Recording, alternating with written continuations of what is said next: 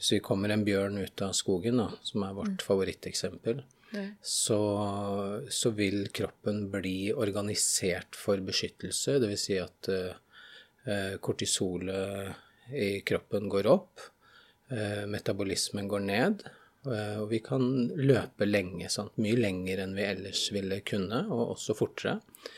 Um, nå er det ikke lurt å løpe hvis det kommer en bjørn, men Nei, det lærte jeg i Bjørneparken på Flå. ja. Jeg møtte en bjørn eh, i skogen for eh, noen uker siden. Nei, er det sant? Ja, eh, vi var på sånn padletur i Alaska, og så kom det en svartbjørn inn i campen vår. Så jeg har faktisk da møtt mitt favoritteksempel på frykt på ekte. Hvordan håndterte du det? Hei, dette er Katarina Prakon i podkasten Her for deg. Her snakker jeg med Thomas Nordhagen, psykolog hos eh, Nimi Volvat. Eh, vi skal snakke i dag om utbrenthet. Eh, men her snakker vi om Thomas som nettopp har vært på tur i Alaska og møtt en bjørn.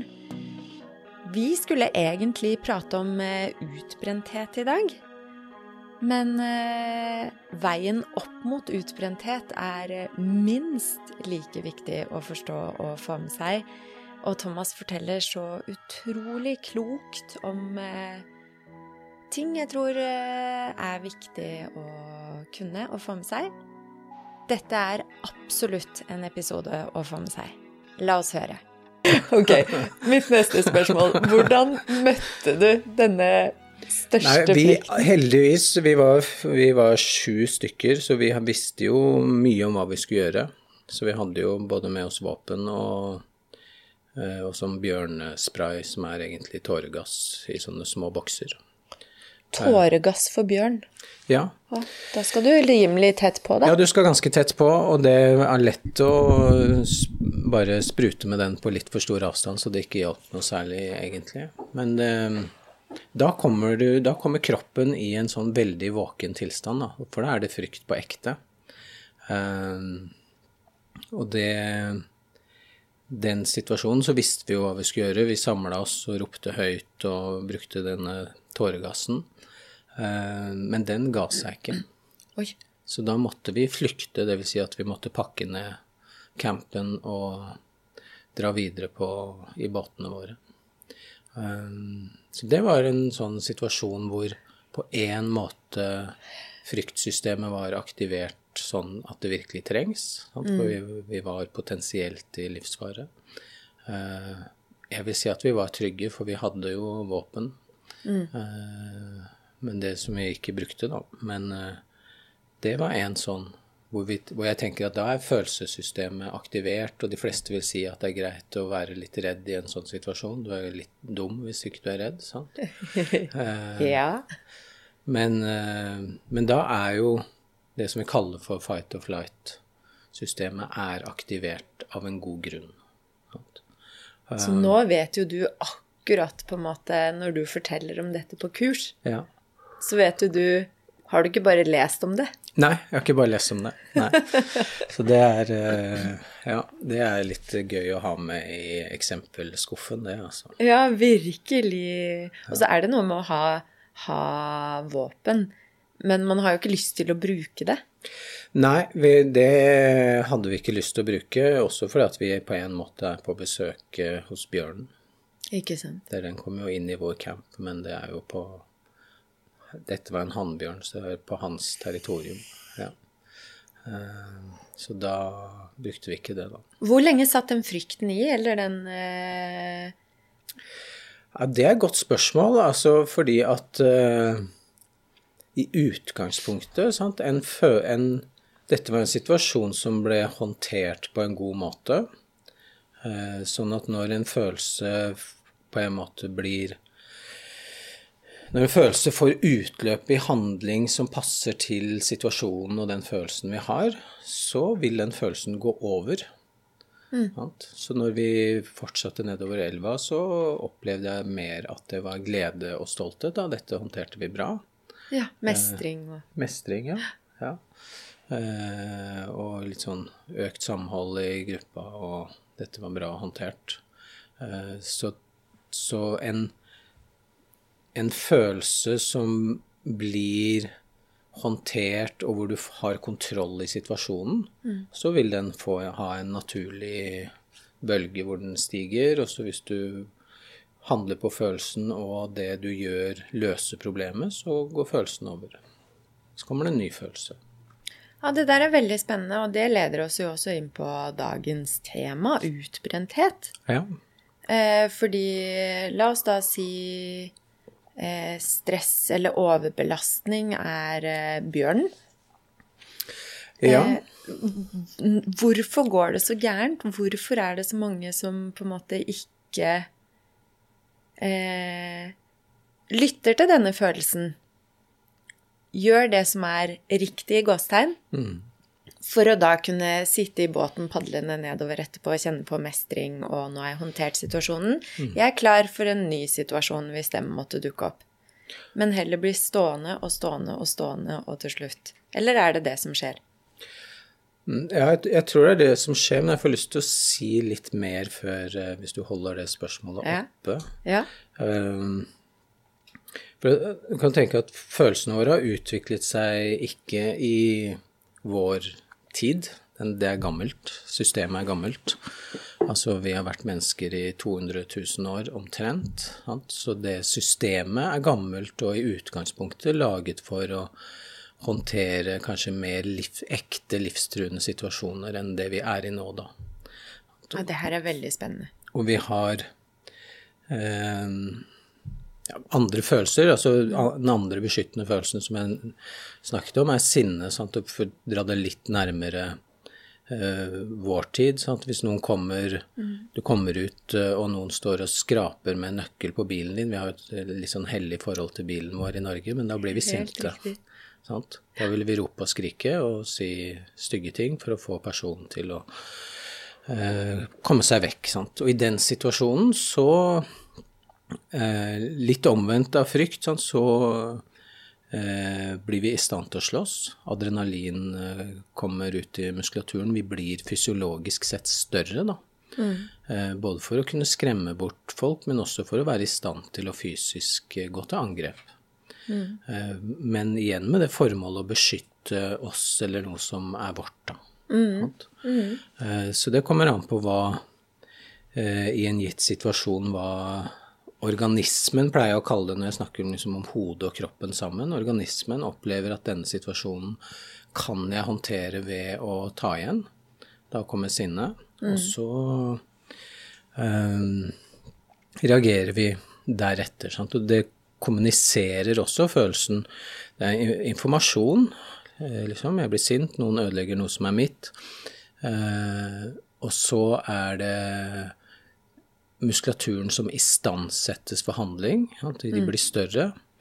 Eh, og så er det kommunikasjon. Du kan se eh, Andre kan se hvilken følelse vi har hvis vi viser den. sant? Eh, men vi tenker alltid at følelser har et innebygget behov, da. Og en, en, annen følelse som vi har mye av i vår kultur, er jo skam. Ja. Um, så hvis, eh, hvis jeg nå skulle høre på dette etterpå og tenke 'herregud, så mye dumt du sa', så, så vil jeg føle skam. Og håpe 'å nei, uff a meg'. Og, og, skam er jo Man kan lure på hvor universelle følelser er, men en følelse som er universell i alle kulturer, er at hvis du bøyer hodet og liksom synker litt sammen i mm. kroppen, mm. så viser du skam. Mm. Uh, og mm. i Skam så eh, I Skam så vil eh, Så vil eh, kroppen dreneres for energi. Fordi at det er måten vi viser skam på, er å miste energi. Så det å gå med skam over tid f.eks. vil ofte føre, føre til at folk blir deprimert. At de ja. mister, uh, mister, rett og slett energi fordi det, du mister tonus i kroppen. Uh, formålet, eller ønsket og behovet i skam, er jo å få anerkjennelse og si ja, men dette går bra. Det er fint, sant. Du får lov til å bli med i flokken igjen. Uh, du er god nok sånn som du er. Selv om du feilet, så er du god nok, eller du får lov til å komme inn igjen. Jeg har aldri tenkt på det sånn, at formålet er å bli inkludert igjen. Ja, for det det ønsket om. Ja. det, det behovet Ja. i det er jo Ja. å bli godkjent, sant? Ja, ja, ja. Eh, Alle folk- bitene faller på plass. Jeg skjønner det nå, men jeg har aldri sett på det sånn. Så kan vi snakke om for mye og for lite, sant? men eh, eh, noen sier at ja, men jeg har ikke skam, og når jeg foreleser om det, så pleier jeg å si ja, men da skal du få lov til å sette deg her, og så skal du få bæsje foran alle oss andre. Og det vil folk stort sett uh, si nei takk til. Ja, det, er, det er det, litt skam eh, knyttet. ja, sånn så de fleste har noen, og så var det en som sa ja, jeg gjør det, men eh, da, da sa vi nei, det er ikke greit. men det, vi, vi, vi, vi, har det, da, sant? Eh, og vi, og vi Skammen hjelper oss å forstå sosiale regler og hvordan vi skal oppføre oss på ofte et subtilt nivå. Sant? Hva er kodene her? Eh, og det er noe vi fanger opp ofte uten å vite at vi gjør det. Eh, eller vi leter også aktivt etter det, da. Ehm, Sorg er jo en følelse som eh, kan fortelle oss eh, om noe vi mister. Så det eh, Så følelsen i sorg er jo tårer. Eh, sånn, vi blir triste og lei oss. Kroppsuttrykket. Kroppsuttrykket er det, sant? og det, vi kan se på folk om de er lei seg. Eh, behovet er kontakt. Eh, sant? Når vi er i en begravelse og møter eh, fettere vi ikke har sett på 15 år, så sier vi kanskje at å, vi må ta en kaffe snart. Eh, og det mener vi. Der og da mener vi det. Sant? Det er sant. Ja, det er sant, det. Men eh, det blir sjelden noe av den kaffen. Ja, men det er en god følelse å si det allikevel, Ja, ja. på et vis. Hvis, Ja, ja, for det er jo Og da. sant når du drar frem det eksempelet, vi- så tenker jeg på Så må jeg nesten begynne å skrive en liste over alle de jeg har sagt til nå må vi ta en kaffe snart. Det kjente jeg veldig på nå. Ja. Så, det, det, sant, så behov, altså sorgen er jo over noe eller noen vi har mistet. Sant? Noe som vi har en tilknytning til, som vi mister. Eh, Så kjenner vi sorg. Sant? Og måten å gjenopprette den sorgen på er jo en opplevelse av kontakt og nærhet. Og det er jo ikke alltid, hvis vi har mistet en vi er glad i, at kontakten med andre vil reparere akkurat det som vi mistet, men det bidrar til den reparasjonen. Å ja, vi har andre folk som er glad i oss, eller noe annet vi kan forholde oss til som, som gir oss en følelse av nærhet og kontakt. Da. Prosessen av reparasjon starter der, og så er jo veien lang å gå. Men, Ja, det, det men ofte. ved å sant? uttrykke sorg, så Ja, så ved å uttrykke sorg, så er sjansen for at behovet for kontakt blir møtt. Da, Ja. sant? ja. Eh, og det er det vi trenger for Men å det er ikke så lett å uttrykke sorg eh, heller, for alle. Nei, noen strever jo med det, sant. Så Ja. det, men, men ofte så er jo noen steder, og det er jo mer sånn sosiale regler, hvor er det greit da å vise Mm. den sorgen, sant. Og i vår kultur så har vi halvannen time på, i en begravelse, da er det lov.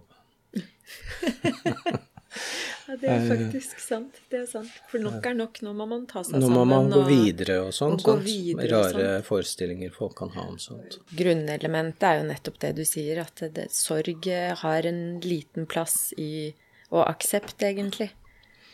Ja, i Norge så har vi, har vi liten aksept for eh, ganske mange følelser, egentlig. Hvorfor er det sånn?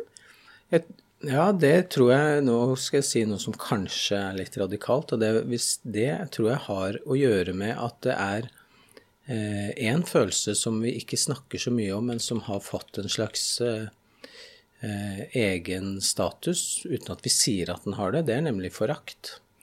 Eh, fordi at vi skal være så fornuftige og smarte. Sant? Og det å være fornuftig og smart handler ofte om å føle at jeg ikke vil gjøre noe dumt, eller andre ikke skal være dumme og gjøre noe dumt. Så vi må være lure, da. Eh, og inni der så er det ofte en forakt for svakhet og det å være dum og ikke få ting til. Eh, så det tenker jeg på et merkelig vis, da, selv om mange vil si at jeg kjenner ikke så mye forakt, så, så driver vi veldig ofte med det.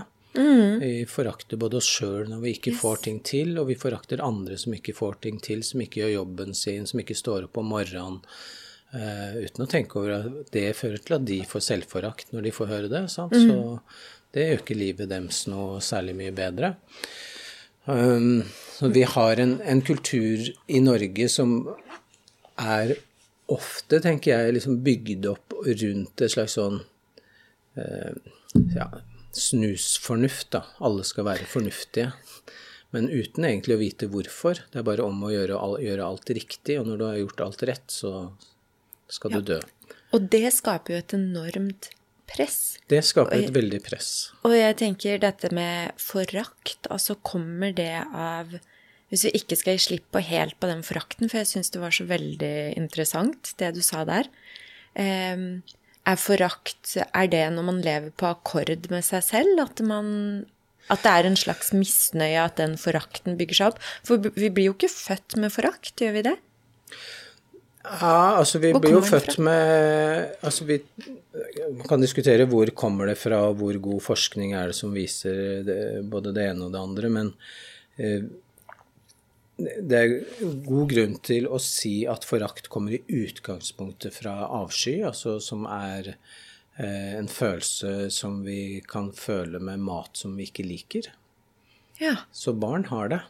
Ba, og de har det så definitivt. Ja, sånn, altså, så det, dette vil jeg ha ut. Sant? Kjente jeg veldig på i går. Da hadde jeg stått over gryten i en time og serverte det jeg tenkte var tidenes middag. Ja, Min fem- og åtteåring mm. ville heller ha brødskive. Ja. Det er skuffende. Ja, det er kjempeskuffende. Ja. så forakt Ja, ja, så, ja. Da, ikke sant? så det er jo På en måte er jo Er det sånn evolusjonsmessig tenker vi at det er en Altså avsky er en følelse som skal hjelpe oss å ikke få i oss uh, bitter og giftig mat. da. Mm. Får du et råttent egg, så Så det er ikke bare for å irritere mor? Ikke, nei, ikke nødvendigvis. Uh, det er en grunn til at vi har til det. Sant? Og mange foreldre undervurderer undervurderer hvor mye bedre smaksløker barn har enn voksne. Ja. Eh, så de smaker jo mye mer. Eh, ja. Så når vi skal prøve å lære de ting, lære de å like mat, og si ja, men jeg har lært meg å like det, så er det sant bare til en viss grad. Det er ikke alle barn som kan det, fordi de, de smaker det for sterkt. Mm. Så det er mye sånn forsøk på å lære barn å like det ene eller det andre er egentlig bare å tvinge barn til noe som kroppen deres sier at dette vil jeg ikke ha. Mm. Som, eh, og så blir de smaksløkene litt dårligere med årene, og så plutselig så liker vi ting som vi ikke likte før, eller de endrer seg. Vi blir slipt, rett og slett? Ja, vi blir slipt. ja. Eh, Både i smaksløkene og følelsesmessig, for sånne sinneutbrudd og litt sånne ting er jo også noe som barn har, som kanskje voksne holder litt i seg? Litt, ja, det varierer jo litt, tenker jeg. Men, ja.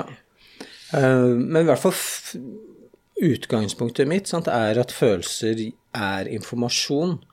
Eh, mm. Og i hvert fall når de er det som jeg kaller for primære, da. De passer med situasjonen. Mm. Eh, det som jo ofte skjer, sant, det er jo at vi som voksne eh, ikke bare prøver å endre atferden til barna våre, vi prøver også å endre følelsene deres.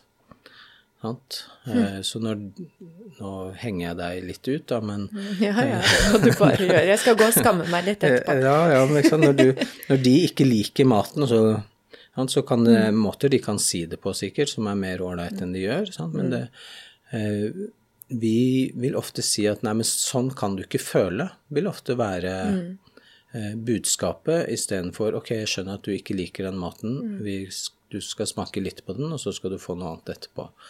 Mm. men vi prøver ofte å si at det er noe feil med følelsen istedenfor mm. Eh, bare atferden. Sånn at budskapet til, til barn og f.eks. For, for gutter er det jo ofte sånn at de får beskjed om at de har ikke lov til å gråte. Mm. Så mange menn mm. lærer seg å dekke dekke over sårbarhet, da. Mm. For de skal tøffe seg, og jeg har jo gutter som har spilt fotball, og så ser du en gutt som faller og begynner å gråte, og så får han beskjed av omgivelsene at du bare reis deg opp og, og fortsett. Ja, for det er omgivelsene som former oss mye i forhold til hvilke følelser vi kan Vise og uttrykke. Ja. ja. Disse korrigeringene vi får på den fotballbanen eller ved middagsbordet av mor eller far eller ja. i klassen eller Ja, og i både, både, i familiesystemet og, og i kulturen sant, så mm. har vi eh, ofte eh, regler for hvilke følelser som er riktig å vise hvordan. da. Mm. Og det han gutten lærer seg på fotballbanen et? Første gangen legger han seg ned og gråter. Han har kanskje dumma seg ut og skammer seg og gråter, eller han har vondt og gråter. Eh, så etter hvert så mm. lærer han seg at den følelsen er ikke noe verdt å vise. Så han kjenner den. Sant? Så, mm. ser jo de gutta som de bare Du ser at tårene kommer, og så bare tar de seg sammen, og så, mm. og så spiller de videre. Men hvis du ser nøye på det, så kan du se at følelsen er ikke ferdig. De må liksom holde seg litt sammen. Nei, for hva, hva skjer når man har følelsen inni seg og ikke uttrykker den, ikke viser den? Det, det, som skjer, er at du lager en stressreaksjon i kroppen. Det er en stressreaksjon. Mm. Ikke, en, ikke, det samme som å møte en bjørn, men eh, nå er jeg skada, jeg trenger trøst. Jeg trenger kanskje en liten pause. Mm. Eh, og så eh, får du ikke det, da. Så du lager en ministressreaksjon. Og hvis du ser nøye på de gutta rett etter at de har hatt det, så ser du at de er litt stivere, litt mm. mindre fokusert. Mm. De mister bitte litt av evnen til å følge med i spillet. Eh, etter hvert så vil, jo, vil de slutte å anerkjenne at de er lei seg, og til slutt så slutter de å føle følelsen. Hm. Og det som da Men skurret er der. Den da? Nei, den forsvinner ikke. Den, den, blir liggende mer som skurr, altså en uro, et eller annet vondt jeg ikke kan kjenne.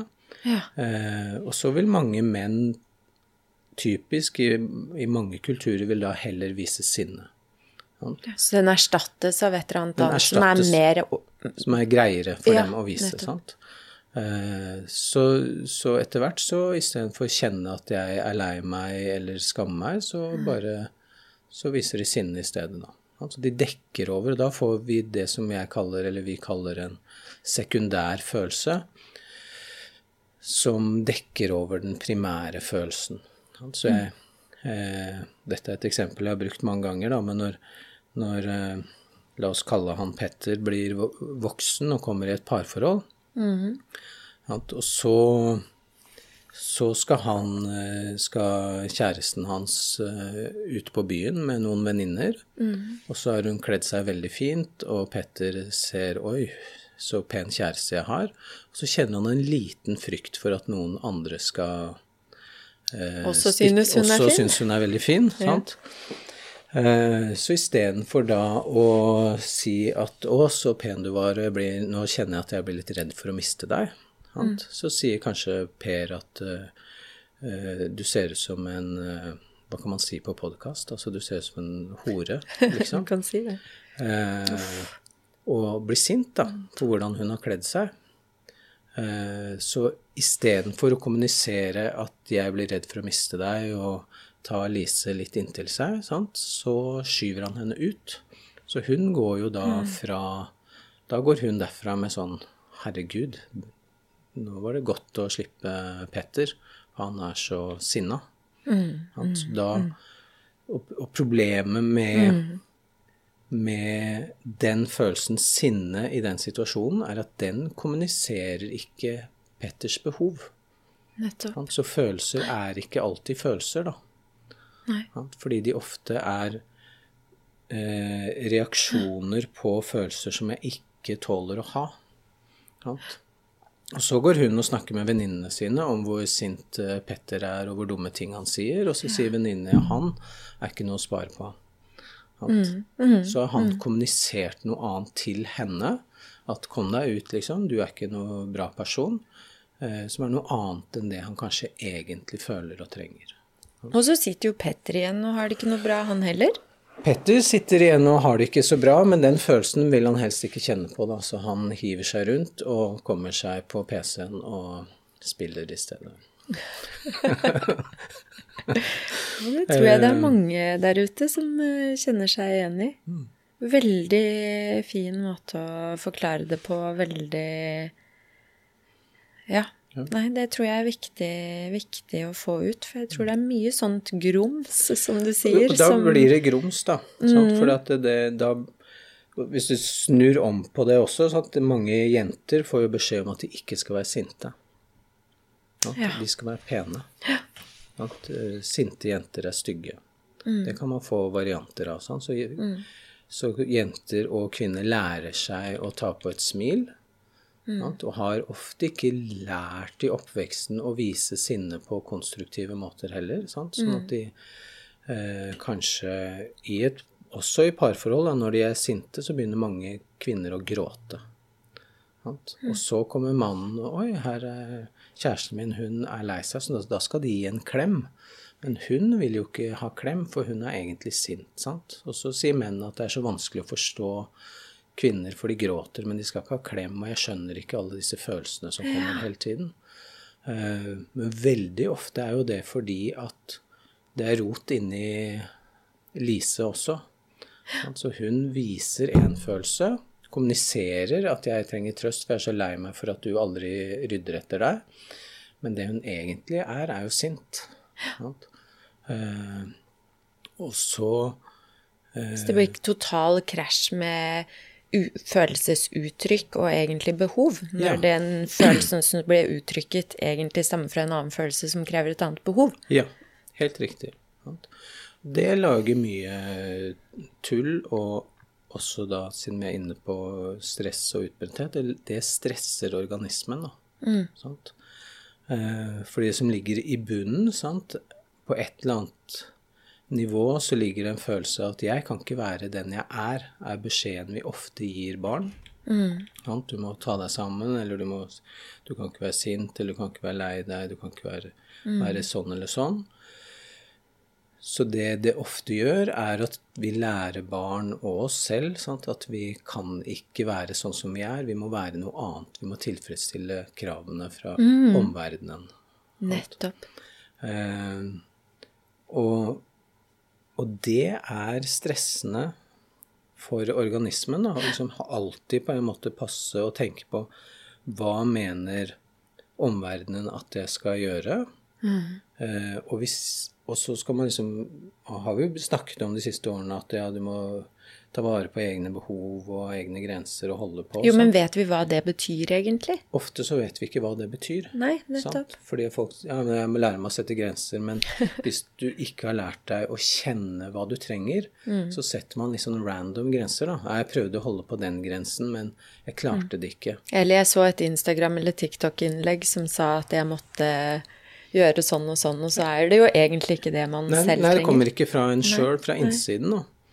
Eh, fordi at hvis, hvis jeg har kontakt med det jeg trenger Hvis, jeg, hvis vi i en ideell verden hadde kontakt med det hele tiden, så, så kunne man si at da trengte jeg ikke å sette grenser. For da ville grensen bare vært der. Jeg tenkte ikke å ha en sånn Ja, der er grensen min, og folk tenker liksom Hvor går grensene mine? Og så blir det liksom Jeg vet ikke helt, for den ene dagen går den der, og den andre dagen er den der. Som er sant. Og dette er så viktig og så bra at du sier. For, for plutselig en dag så tåler du litt mer flørt eh, av kollegaene dine på jobben, og den andre dagen føles det ikke greit. Så at man så Å nei, jeg gikk jo for langt den dagen, så nå jeg har visst grensen min der ute. Ja, nei, du, i dag hadde du grensen her inne. Da må du si fra om det som er der. Sant?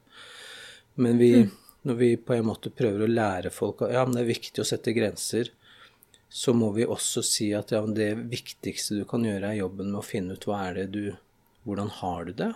Mm. Og hvordan, hvordan kan du dekke behovene dine i større grad innenfra enn å bare finne noen litt tilfeldige grenser og uh, at jeg liker sånn og ikke sånn. For det vil jo variere ofte. Og ekstremt energitappende, tenker jeg, å gå rundt og kjenne sånn og skulle være på jakt og lete og analysere hele tiden, i stedet for å være den trygge i seg selv og kjenne på følelsene og tillate følelsene, sånn som du har sagt. Ja. Og det med utbrenthet, slitenhet, tretthet, det er jo utrolig mange som kjenner på akkurat det, beskriver det som sin hovedplage, i hvert fall hos meg på allmennlegekontoret, ja, ja, ja. er så sliten. Mm. Jeg er så trett, jeg skjønner ikke, jeg orker ikke det jeg pleide å orke. Og selvfølgelig gjør man ikke det. Hvis jeg, og nå sier jeg jo ikke at det er årsaken til alt. Det er jo fra en allmennleges perspektiv så kan det jo være vitamin D-mangel, det kan være mange andre ting som gjør at man er sliten. Men noe av det må jo være denne energiventilen som lekker hele tiden, hvor du ikke kjenner på intuisjonen din, ikke kjenne følelsene dine, og hele tiden hver dag må analysere og balansere skammen, sånn som du sier, forakten for deg selv og andre, eh, gå på akkord med seg selv og være utrygg. Ja, jeg tror veldig mange, mange er det. Vi, vi pleier å si at følelsene våre leder oss stort sett mot to grunnleggende behov. Det ene er for å være trygg, eh, og det andre er identitet, og vite hvem vi er. Men veldig ofte så eh, Og så vil det ofte spille seg ut på så du kan si Trygghet er de som vi er rundt, som vi føler at vi kan eh, være den vi er sammen med. sant? Eh, og familien er ofte en sånn Ofte vil det være der vi ønsker å være trygge, da. Eh, ikke alltid vi er det. Eh, identitet er på en måte stacken av ferdigheter som vi har, da, det vi forteller folk når folk spør oss 'Hvem er du?' Jo, jeg er allmennlege på Volvat, og bla, man lager en liste da over hva man kan og, eh, og får til.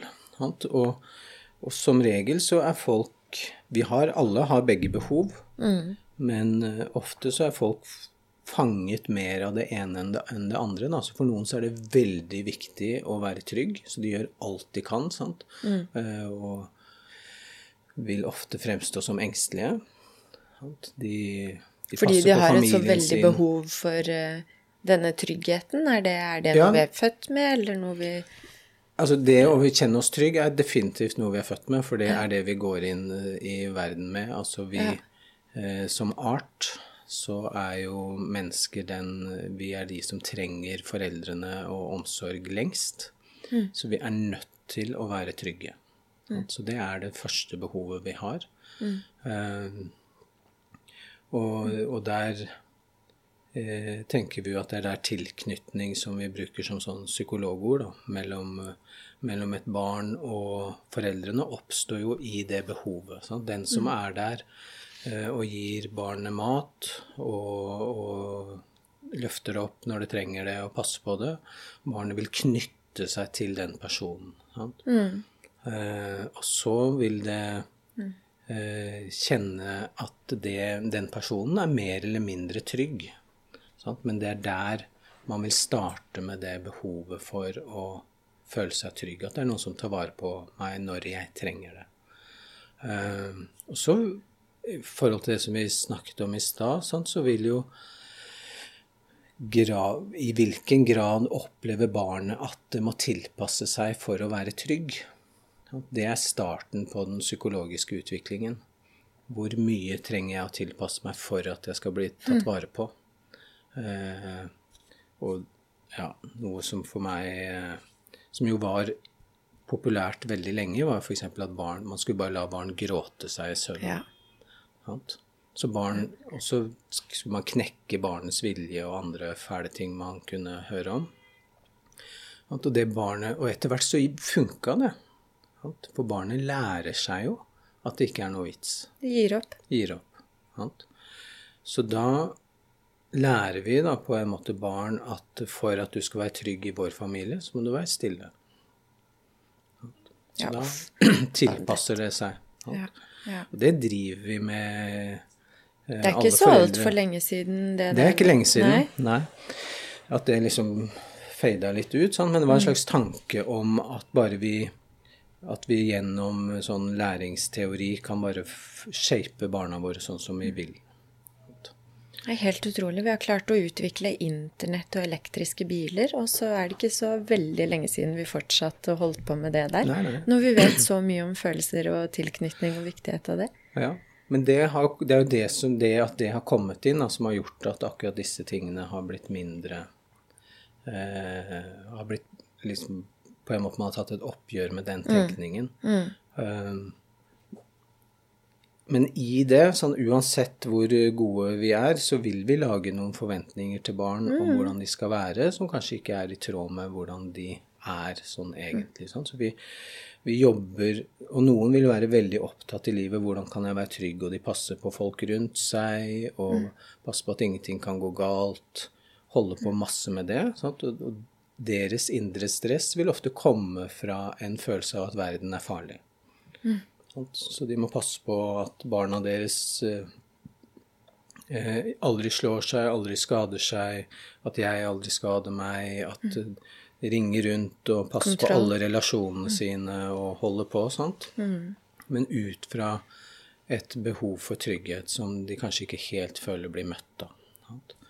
Mm. Eh, Den andre siden, som vi kanskje er mer Som jeg tenker at vi ofte lener oss mer mot i Norge, er jo eh, hvem er jeg? Hvor flink er jeg? For i Norge så har vi en Ja. veldig sterkt sånn selvstendighetstanke. Så du skal være sterk og flink og stå opp om morgenen og få ting til, da. Eh, og det er et budskap vi sender hele tiden. Du skal være, du skal være selvstendig. Og i det Starter i barnehagen. Starter i barnehagen, sant. Eh, ja, for det, barnehagen kan ikke være et leksted. det må være pedagogikk, og Ja. det må være allerede helt tidlig Helt så er det viktig at barn lærer og mestring, og de må få til ting. Og, så vi begynner veldig fort sant, Mm. med å måle barn, eh, og så driver vi med det hele livet.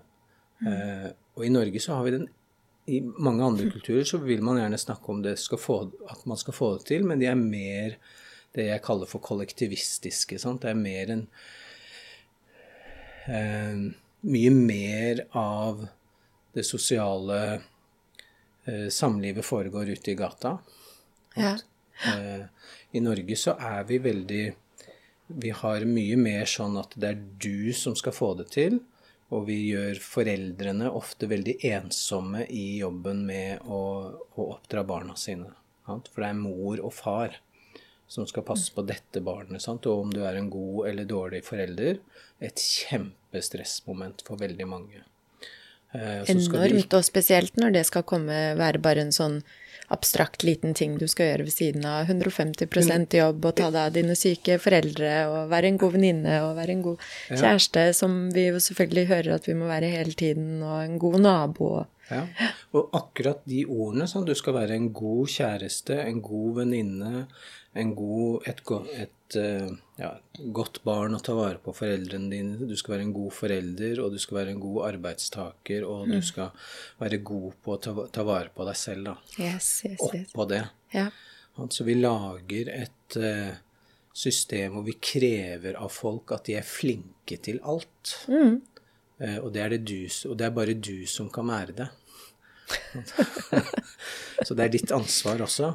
Eh, og i det sånn, så lager vi en følelse av eh, fare, da. For det kan gå gærent. Mm. Så folk kommer i det som jeg Altså folk møter bjørnen hele tiden. Da. Mm. Men det er ikke bare eh, Frykt for å feile, rett og slett? Frykt for å feile, sant. Ja, hvis jeg ikke klarer å nå, nå har vi fått familie, da må vi flytte, vi må ha større hus. Sant? Så da må vi ha større gjeld. Eh, så da må jeg jobbe mer. Eh, Og da må jeg ha ny bil, for at jeg får lengre kjørevei. Og så, og så fanger vi også oss selv, da. Ja. Og så kan man si ja, er det et individuelt ansvar? Både ja og nei, for det er noe med hvilke forventninger vi tross alt som kollektiv legger på hverandre. da. Eh, at du helst skal få til alt dette. sant?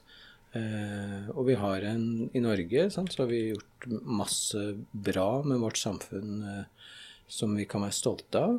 Men vi har jo samtidig laget oss eh, en situasjon hvor alle har så mye gjeld at de nesten ikke kan jobbe noe mindre. Sant? For da ryker det. Sant? Og jobbe da mindre enn sikkert 120 ikke Ofte er det 120-150 Ja. prosent, sant? Og det Jeg underviser her på, på NIMI om eh, folk som har fått en eller annen hjertefeil, om de har fått infarkt eller, eh, hatt en operasjon eller noe sånt, sånn, så går de på sånn rehabilitering her. Og da har jo på en måte hjertet sagt ifra at nå har du pressa for hardt. Nesten uansett. Sant? Selv om du er født med en hjertefeil, så har det vært noe der. Sant? Og hvis du spør folk helt på ekte, så kom det ikke helt som lyn fra klar himmel. Nei, de har kjent det, de har vært slitne, de har kjent noe som de har tenkt om, dette må jeg bare stå i, må bare fortsette. Eh, og så sier eh, hjertet ifra, som er kanskje den, det organet som belastes mest, da. Mm. Eh, mm. Men vi, vi, har på en måte lært oss til da, at eh, vi skal bare tåle. Ja, for det er jo akkurat det. Vi skal bare tåle. Ja. Du skal bare Du begynner å kjenne deg litt sliten. La oss ta arbeidslivet, da. Mm. Eller, eller, foreldrerollen. Eller uansett hva man står i. Kjenner man. Man starter inn i det med skikkelig initiativ og giv og ja, ja. superklar. Mm. Eh, en ny arbeidsplass, f.eks. Hilser og smiler til mm. alle kollegaer. Har en visjon om alt man skal gjøre. Mm. Og så kjenner man ikke disse følelsene og disse grensene som du har snakket om. Så man Nei. bare fortsetter. Man bare, mm. så begynner man kanskje å bli litt sliten. Mm. Begynner å sove litt dårlig om nettene. Begynner å kjenne på litt vondt i ryggen, litt sånne ting. Men så er det akkurat det du sier, så bare reiser man seg opp, og så skal man bare kjøre på. Ja. Det skjer eh, Det tror jeg skjer med veldig mange. Og nå har vi en kultur hvor vi Altså Tidligere snakket med sønnen min her om dagen om akkurat følelsen av å ville vite noe, men så måtte jeg gå på biblioteket. Og så hadde ikke de den boka jeg trengte, og så gikk det en uke, og så kom den inn, og så kunne jeg lese om det temaet som jeg var interessert i. Mm. Eh, så da hadde jeg en unnskyldning. Hvis det var noe jeg ikke visste så, og ikke kunne, så kunne jeg det ikke. Mm. Mm. Eh, men nå, jeg, nå, har jeg på en måte alt tilgjengelig, da. Rett ved siden av meg her. Ja. Eh, sånn at jeg kan finne ut alt når som helst. Jeg kan gjøre når som helst. Jeg har åtte apper som med to do-lister og e-post og, og, og, tekstmeldinger, og man kan spørre folk, og ja, skal vi eh, finne på noe gøy. Ja, vi finner ut av det med en gang. Sant? Så farten blir veldig høy, da. Mm. Og muligheten for å løse ting blir veldig høy. Som gjør at mens tidligere, bare for 20 år siden, sant? så ville ja, Det kan jeg ikke løse i dag. Er, Nå har vi ikke en unnskyldning. Nå har vi ingen unnskyldning. Sant? Så alt kan eh, Et grusomt ord. Alt kan optimaliseres, da. Ja. Sant? Som høres fint ut, sant? men er på et vis også veien til helvete. Da, som betyr at, ja, det betyr at du kan ikke hvile. For du kan jo alltid optimalisere alt. Du kan være mer effektiv, du kan være kjappere. Finne en ny app som gjør det liksom enda litt mer effektiv. Tweake det til her og der. Da. Men organismen vår tåler ikke det. Sant? Fordi Nei. den trenger pause, den trenger ro, den trenger å prosessere ting. Fordi at vi, vi, har på en måte lært oss de siste årene til å tro at vi er en datamaskin. Men det er vi ikke. Vi er en fysisk organisme. Da. Og reaksjoner som vi har sant, i et møte, hvis vi blir sint eller lei oss, eller, så sitter det igjen i kroppen.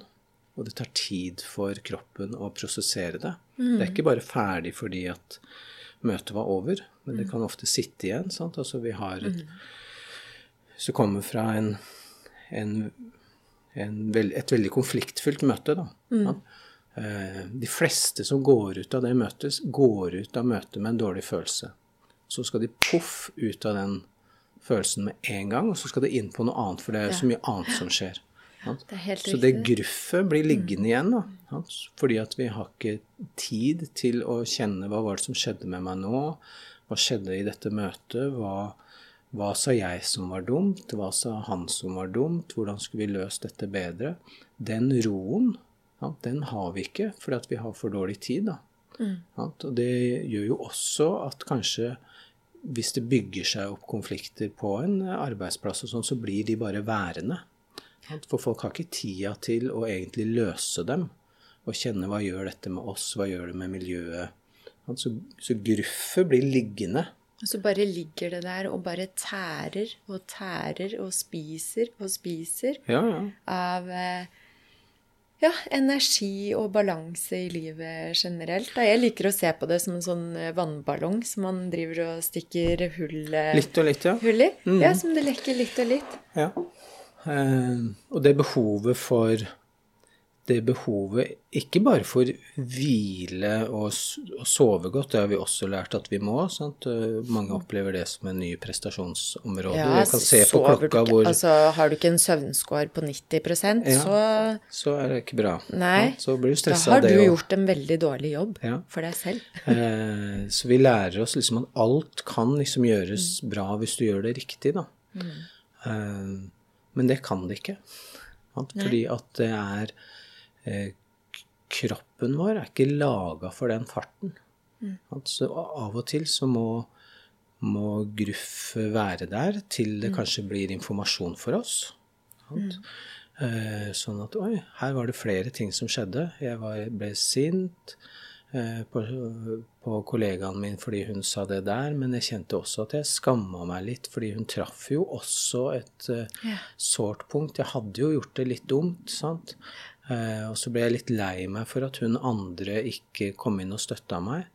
Det kan ta litt tid, da, å kjenne hva er på en måte hva er de ulike følelsene og de ulike behovene i det. sant? Så hvis du bare agerer på sinne, så får du liksom kommer tilbake neste Jeg finner meg ikke i denne type behandling eller et eller annet sånt. Så er det bare den følelsen som får lov til å komme, mens kanskje egentlig det var like viktig å si vet du hva, jeg dumma meg litt ut, jeg.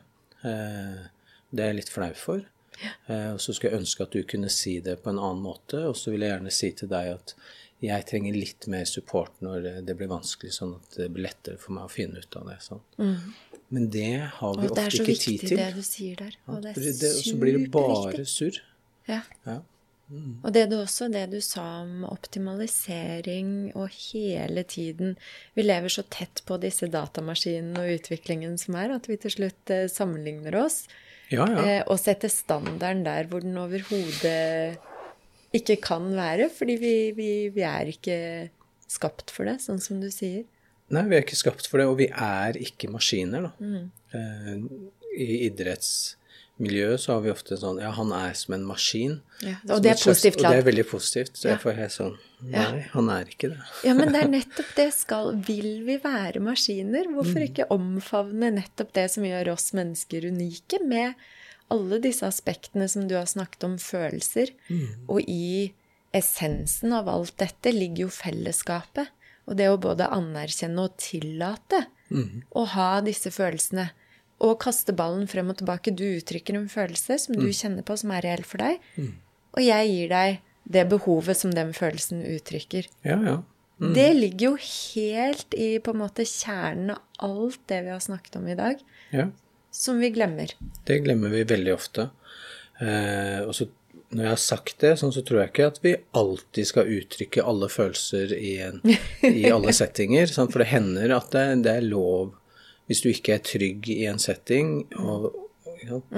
Eh, hvis jeg er redd i en setting med ja, med fremmede folk som jeg ikke stoler på, så er jeg ikke sikker at jeg skal uttrykke den frykten alltid. Nei, nei selvfølgelig, og det er fint. Eh, Men hvis jeg slutter å kjenne på den, og vite at dette gjorde meg redd, sånn at jeg kan gå et annet sted og si at dette møtet var ordentlig ubehagelig Jeg måtte liksom bare eh, stand my ground på en måte, eller hold my ground, men, men jeg var redd. At Hvis du ikke kan tillate deg å vite hva det var som egentlig skjedde inni deg, så blir det et problem over tid.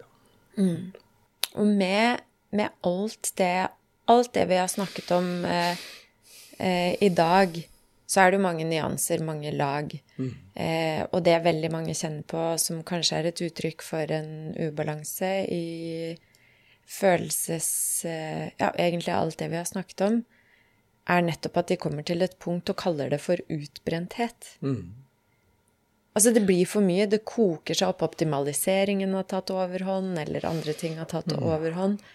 Eh, men utbrenthet er jo et ord som på en måte veldig mange kjenner igjen.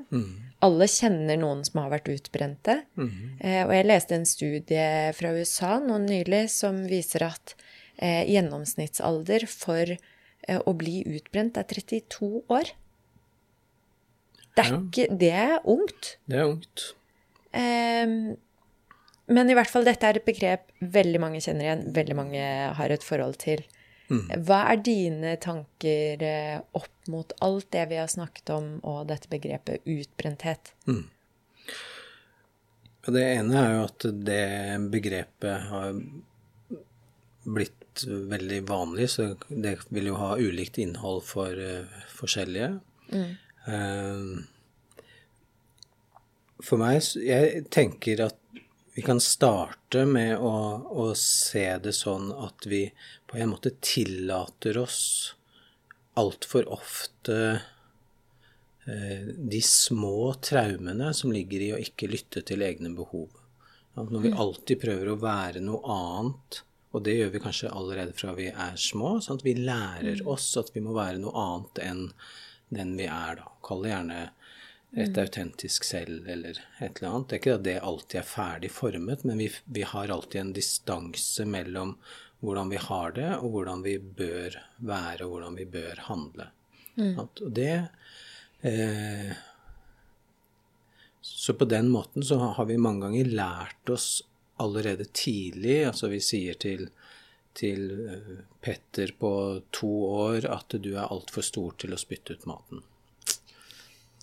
Ja, altså han, må, han får beskjed om å være større enn han er. Ja, ja, ja. Eh, og, og den indre beskjeden tar vi ofte til oss, da, som vil si at du skal alltid være mer mestrende, mestrende enn du egentlig er. Så vi prøver veldig mye og ligge litt utafor. Litt mer effektiv. Litt mer effektiv, litt mer enn det vi egentlig kan. Eh, og, så, og så går det bra kanskje så lenge du går på skole, du Og mange unge strever for tiden, så det skal vi ikke stikke under en stol, men, men så, så lenge vi lever kanskje med foreldrene våre, vi studerer, og så kommer vi ut i arbeidslivet, og plutselig så skjønner vi at oi, nå ligger alt på meg. Så kommer ofte frykten også. Sant? Hva hvis jeg ikke leverer på det som forventes av meg? Sant? Og, og folk kan føle at de kanskje får en jobb som eh, er litt mer enn det de følte de hadde kompetanse for. Sant? Mm. Litt varierende det. Oftere eh, Der er det ofte en kjønnsforskjell. Mange kvinner føler at de har fått eh, Tror ikke helt på seg selv, sant. ja. Eh, Mens mange menn eh, mange menn kan, kanskje overvurderer egen kompetanse, var veldig stereotypt, men, men mange har en sånn eh, eh, Ikke bare en fear of missing out, men frykt for å bli avslørt, da. Imposter syndrome er det liksom som har vært et ord. Altså du får en sånn nagende frykt for at jeg vil bli avslørt. For at jeg ikke er god For nok. at jeg ikke er god nok. Og hvis jeg blir avslørt, så får jeg sparken, og da mister jeg hus og hjem og karrieremuligheter. Worst case Så da er du i livsfare. Ja, så vi setter opp en situasjon for oss selv hvor vi tror På en måte så har jeg lyst til å si hvor vi tror at vi er i livsfare. At jeg kan føle det. Jeg bor i en leilighet i byen, og jeg må liksom jeg må tjene så og så mye for å klare å betjene alt mulig rart. Sant? Men jeg kan jo bare flytte på landet. Jeg kan det. Ja? Det er ikke noe fare på ekte, sant? men det settes opp som fare, da. Sant? Fordi ja, hva vil de si, og de si, og hvordan, ja, hvordan går det med barn? Og, så vi lager, lager et farescenario som ofte er større enn det i realiteten er. Jeg Tror det er en bjørn, og så er det i realiteten en liten mus, eller et eller annet. Ja, og så, og så skal vi ikke på en måte undervurdere at det er sånn det er satt opp. Vi er i en kultur som setter det opp sånn. Ja, for det er nettopp det. Det er en Så vi- kulturen. Vi føler at det er sånn. Ja. Eh, Så, så det er ikke sånn at dette er noe jeg vil si at dette er hver enkelt ansvar å flytte på landet og ta livet med ro. Men, men det er noe med at vi setter opp en kultur da, hvor vi lager sånne forventninger til hverandre om at du skal jobbe til seint på natt, og du, skal, du skal mestre det og ja, som er en veld, veldig pussig ting i, i kanskje særlig vestlig kultur, det er at vi skal, vi skal først så skal vi ha en utdanning, og så skal vi jobbe, begynne å jobbe. Og akkurat når karrieren vår skyter fart, hva skal vi legge på da? Barn. Barn. sant? Vi skal doble stresset. Mm. Så vi skal makse ut på liksom, hva skal vi si, identitet og være flink, og samtidig på det å skape trygghet for disse barna. sant? Og da er vi gjerne rett over 30, mellom 30 og 40. Sant? Og akkurat da øker vi presset på alle arenaer til maks, da. sant? Eh, Så vi kan ikke Vi må løpe fra jobb og til å hente ungene i barnehagen. Eh, Og da skal vi være gode foreldre sant? som kommer hjem med barn som har vært i full aktivitet hele dagen i, et, i barnehagen. Og så skal vi være gode foreldre når de kommer hjem, men de er slitne. Mm. Sånn at det, begge parter er slitne, men vi skal være gode foreldre og aktiviteter og sette dem i gang, og vi kjører hit og dit og Og der kommer jo litt av den der informas tilgjengelige informasjonen hele Ja, ja. tiden inn. ikke sant? Du skal Ja. spise uprosessert, råvarebasert mat. Du skal Mm. delta i alle aktiviteter. Hvis ikke så er du ikke en god forelder. Det er jo Mm. et enormt press. Det blir et enormt press. Og så ligger vi da på en måte sånn som vi ofte har lært oss fra vi er små, at vi skal være litt mer modne, litt sterkere, litt flinkere enn vi egentlig føler oss. Mm. Og da eh, Da går alarmen. Mm. Og så prøver vi å undertrykke den alarmen. Eh, men, men med økt eh, Nå er ikke jeg eh, biolog eller lege, men, men liksom når det økte kortisolet er der hele tiden, sånn, så går det utover kroppen. Folk får betennelser og immunsvikt, eh, sykdommer, og kroppen blir blir dårligere, sliten. og de blir slitne. Og, ja, så enten så blir de syke for en objektiv sykdom, eller så blir de utbrent, og da er det bare psykisk. Jeg tenker ofte at det er I gåsetegn her. Ja, ja. eh, Det ser Men ofte uttrykk for det samme, da. Ja, definitivt. Det setter seg i kroppen, Ja. vi blir slitne, noen blir syke og, og er så heldige å få Mm. en diagnose og kan få en slags behandling, og så er det tilbake i det samme ofte. Mm. Mm. Eh, og måten jeg tror vi kan bli bedre å løse det på, er jo å for det første gi oss selv tid med ro og uten aktivitet. Eh, altså slappe av, men slappe av aktivt. Ikke bare med å se på, Nei, se på mobilen eller eh, TV-serier. TV-serier og sånn, fordi at hjernen slapper ikke av. Hvordan slapper man av aktivt hvis ikke For det tror jeg virkelig helt oppriktig at veldig mange ikke vet. Ja, altså Hvis man ikke kan bruke skjerm, hvordan slapper man av? det, det ene man kan gjøre, er jo enkleste som jo er tilgjengelig for oss, ofte er jo å gå en tur. Ikke nødvendigvis trene, men bare gå. Sant? Eh, og få stillhet rundt seg. Eh, ah, man kan drive med yoga, f.eks. Rolig yoga. Ikke sånn at man skal trene for å Men rett og slett bare få kontakt med kroppen. Pust. Typ tai chi, eh, puste, meditasjon. Ting som gir ro, da. Før Nå har vi jo hentet fra Østen noe av dette, sant? men vi hadde det før. Eh, I vår kultur i, i Norge så leste vi Bibelen eller ba eller sant? Vi gjorde ting som var rolige, da. Sant? Hvor, vi, hvor vi har et fokus, men vi, det har vi tatt bort. sant? Eh, men det, det, gir, det gir oss Om ikke det gir oss kontakt med Gud, så gir det oss kontakt med oss sjøl, da. Å ha, ha tid som er rolig, hvor vi bare gjør én ting om gangen. Sant? Og det er jo et slags tilleggspoeng her. Myten om at vi kan multitaske, er veldig overdrevet. Ja. Eh, fordi at vi er faktisk ikke i stand til det. Vi må skifte fokus. Sant? Men vi har lært oss at vi kan gjøre mange ting på en gang, og det er effektivt. Men vi bruker faktisk energi fra, fra å skifte Fra det ene fra til det andre. ene til det andre. Sant? Eh, Så vi driver opp oss selv da, i en tro på at vi kan mestre tre ting på en gang. Høre på en podkast, lage mat, passe på leksene til ungene og gjerne være på telefonen med en Det venninne. høres ut som sånn. min ettermiddag hver dag. Ja, sant. Men det, det er ikke bra, sant. Nei, nei, nei. Uh, Nei, jeg leste Det her har jeg faktisk satt inn eh, selv, og nå kommer det litt egenerfaring inn. Men eh, det å sette på klesvask holdt jeg på med alltid sånn som det du beskriver der. Alltid noe barn, og alltid enten en venninne eller mamma eller podkast på øret. Mens barna løp rundt, og mens middagen sto og kokte oppe. ja, ja. Mens nå så har jeg bare Og det her er et lite steg eh, kanskje å gjøre, men et meget stort steg for meg. ja. Og for menneskeheten, håper jeg. For menneskeheten, ja. Ja, men jeg har fått en helt sånn ny åpenbaring. Viktigheten ved å Jeg har valgt meg ut ett uh, område for å ikke gape over for mye. Men når jeg skal sette på klesvask, da skal jeg sette på klesvask. ja. Da lar jeg telefonen ligge.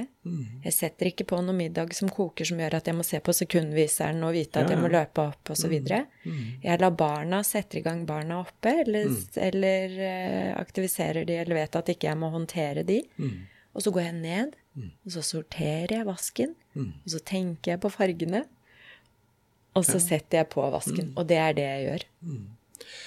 Og det er helt sånn utrolig sånn Det har hatt en enormt positiv effekt for meg, da. Ja, ja, men da har du de minuttene, da. Ja. Sant? Hvor du bare er har fokus lenge. Mm. på det. Mm. Du kan sikkert lage ganske mange ulike Sortere det er forskjellig hvor mye folk store krav man har til sortering av vasken, men da er du i det, Ja, sant? Og ikke noe ting. annet. Og sånn som du sier, jeg skifter ikke det fokuset hele tiden. Sånn som man tror at man kan. Som ikke koster oss noe. Det, Mm. Men det koster. koster. ja. Ja. Og selv om det ikke koster mye hvert skift, koster ikke mye, sånn, men når vi Mm. driver med det hele tiden, så har det en kostnad, da. Men sånn er det jo litt med jobb også. Eh, når vi sitter på jobben og har eh, Facebook eller eh, en eller annen app på telefonen som plinger mens vi jobber, og i tillegg skal sjekke VG og hvordan det går med en krig eller et eller annet sånt noe innimellom, og mailen, for den må du svare på, så er jo det også et skifte sånn som vi ikke legger merke til eh, gjennom arbeidsdagen, men som skjer gjennom hele tiden. Eh, Så det å være bevisst rundt det, og heller bare si da lar jeg telefonen ligge der. Ja, den kan man eh, sikkert med god, godt utbytte låse vekk, hvis man ikke klarer å se bort fra den. Eh, og én ting er jo Facebook og VG, altså, men bare å ha e-post eller en eller annen sånn eh, app gående som, hvor man kan sånn ofte mange arbeidsgrupper på en arbeidsplass har en chat sant, inne i Teams eller Ja, ja. Så kommer det opp ting hele tiden. Ja. Eh, og et av problemene der, tror jeg, er jo at alle føler at de har så dårlig tid, så de lurer på et eller annet. Mm. Og så bare tjukk, så fyrer de av gårde et spørsmål istedenfor å bruke Tenke over selv. tre sekunder på å Åh, finne ut av det sjøl. Så lager de, flytter de det stresset over på noen andre som blir avbrutt i noe de holder på med. Og så 'Å ja, det må jeg svare på', og så svarer de på det. Og så har de mistet fokus på arbeidsoppgaven sin. Så genererer vi stress også for hverandre, da. Eh, ved at vi ikke har tid. Altså hvis jeg jobber med noe, og kanskje og man har en kultur på at det er lov å stenge ned eh, chatten eller e-posten eh, helst i lengre strekk om gangen. da. Sånn at ikke alle har en følelse av at ja, men vi må svare og gjøre ting fort hele tiden. For da klarer du ikke å virkelig konsentrere deg om den arbeidsoppgaven som du skal gjøre. Det er faktisk ikke mulig. Nei, og dette er det jo forsket på. Eh, Jeg møtte en eh, forsker eh, i India når jeg var der på yoga resort, faktisk. På et sjakkstevne. Ja. som på Som var matteprofessor og forsket på hvorfor, vi, hvorfor studentene har fått så mange slurvefeil. ja. Og det er jo akkurat det. De sitter og gjør det de skal, og så tikker det kanskje inn en melding. Og kanskje du ikke ser på den engang, men det kommer jo opp sånn skrift øverst på telefonen. Ja, kaster Kaster et blikk over. eh, eh, kan du lage sjokoladekake til festen til lørdag? Ok, og så svarer du ikke på den, fortsetter med oppgaven. Så sendes jo den allikevel inn i hjernen din. Ja, ja, ja. Og sånn som du sier, skal prosesseres, som vi ikke tar oss tid til. Det bare skjer gjennom alt vi gjør. Og så, ja. Og da har en bitte liten del av hjernen begynt å jobbe med hvilken sjokoladekake Å ja, de mener sikkert den sjokoladekaka har jeg ingrediensene. Ja, At det ligger da og går der. helt riktig. Ja. Ja. Så det Men å finne Finne måter å ha tid med seg selv eh, Og også Man kan godt ha tid med barna, sant? men den tiden må ikke være 'nå skal vi alltid finne på noe'. Det kan være Ofte barn trenger bare at du er sammen med dem. At man setter seg ned på gulvet da, og er med dem. Eh, at ikke de også bare skal igangsettes med noe. Og det, er, det blir neste episode, akkurat det der. For det der er et veldig stort tema. Ja. Eh, og prøve å ta tida til å vite hvorfor gjør jeg det jeg gjør. At hvis, hvis jeg vet hvorfor gjør jeg det jeg gjør nå, så går farten ned, og det er lettere å holde fast i oppgaven. Men hvis du skifter hele tiden, så vet du egentlig ikke ja, hvorfor gjør jeg dette, hvorfor hører jeg på den podkasten nå, hvorfor legger jeg en klesvaske nå, hvorfor lager jeg mat nå, hvorfor går jeg bort til ungene nå. Når du bare skifter hele tiden, så, så blir det bare noe som må gjøres. En følelse av at ja, men alt dette må jo gjøres. Ja, hvorfor hører jeg på denne podkasten? Jo, det er fordi at jeg har lyst til å høre litt mer og lære meg litt om dette temaet. Ja, hvis du virkelig vil det, sant? Så setter du deg ned og så hører du på den og sier ok, nå i 20 minutter skal jeg høre på denne, eller gå meg en tur mens jeg hører det. Ja, men sånn at ja, da kan jeg fokusere på den. Og det ikke det blir bare sånne små drypp av kunnskap som detter ned, og så Oi, der, ja, nå koker det vannet. Hva var det som skulle oppi der igjen? Ja, Ja, sant? Eh, For når vi vet hvorfor vi gjør ting, og aller helst da? Og da vil jo folk få et sånt krav inni seg om at de må bli flinkere, så det er litt sånn dumt å si det, men aller helst liksom, hvorfor gjør jeg dette? Og det er så overførbart til alle områder i livet, tenker jeg. Som er viktig å ha med seg eh, nettopp for å kunne klare å stå i foreldrerollen, eller eh, arbeidslivet, eller Ja, vennskapet, eller hva ja sånn at man ikke bare blir fanget. Sant? For det er det vi ofte føler oss, at vi bare er fanget av noe som vi må gjøre. Og hvis du utfordrer folk på det, så liksom sier ja, men da går det jo gærent. Ja, gjør det det? Sant? Gjør det det? Det er ikke sikkert, da. Så det å ta den tida til å vite ja, hvorfor gjør jeg dette nå? Hvis du gjør det litt oftere, så vil du tenke ok, dette har jeg holdt på med veldig mye, men det har jo ingen interesse av. Ingen glede av. Så kan jeg slutte med det. Åh, det kjente jeg om den klesvasken nå. Ja, ja. ja hvis den bare blir Selv- sånn. Ja, Ja. ja. Det må jo gjøres, da. Noe må man gjøre, men, men eh, å ha et bevisst forhold, det er nok et meget godt eh, råd. Um, sånn som jeg sa, på alle arenaer i livet. Og så vet jeg ikke helt hvordan jeg skal oppsummere denne praten, for den har vært så stor og fin. Og i utgangspunktet, her ser jeg på arket mitt nå, så hadde jeg lyst på sånn, ikke sant? Og det er typisk går jeg i fella på hvordan samfunnet egentlig er bygget litt opp på nå. Her har jeg skrevet 'Husk å få fem tegn på tidlig utbrenthet og fem ting du kan gjøre selv for å forebygge'. Nei, men det er jo- ofte bare for å få lov til å fortsette. ja, men altså Ja, nettopp! Nettopp! Og nå, bare etter den praten her, så kjenner jeg at jeg har ikke lyst på de punktene. Jeg har ikke lyst til den oppsummeringen og oppramsingen, fordi den er jo ulik for alle. Eh, og det er så mange nyanser og lag hvor følelsene våre og våre egne grenser og kunnskap spiller en stor rolle. At den oppskriften må bare alle finne litt i seg selv. Ja. Eh, og så skal jeg ikke begynne å snakke om kultur og dette hamsterhjulet som alle dytter fortere og fortere på, men, eh, men jeg vil takke deg for en vanvittig fin og lærerik eh, prat i dag, Thomas. Dette her håper jeg dere der hjemme også synes og har lært like mye som det jeg har i dag. Det er eh, utrolig viktige momenter og refleksjoner å ha med seg inn i det samfunnet vi lever i nå, synes jeg. Så nok en gang tusen takk for en utrolig, utrolig fin prat. Bare hyggelig. Og til dere der hjemme Hvis dere kjenner noen som kan ha godt av å lytte til denne praten, så del gjerne episoden videre. Og så ønsker jeg dere en fin uke, og vi høres igjen.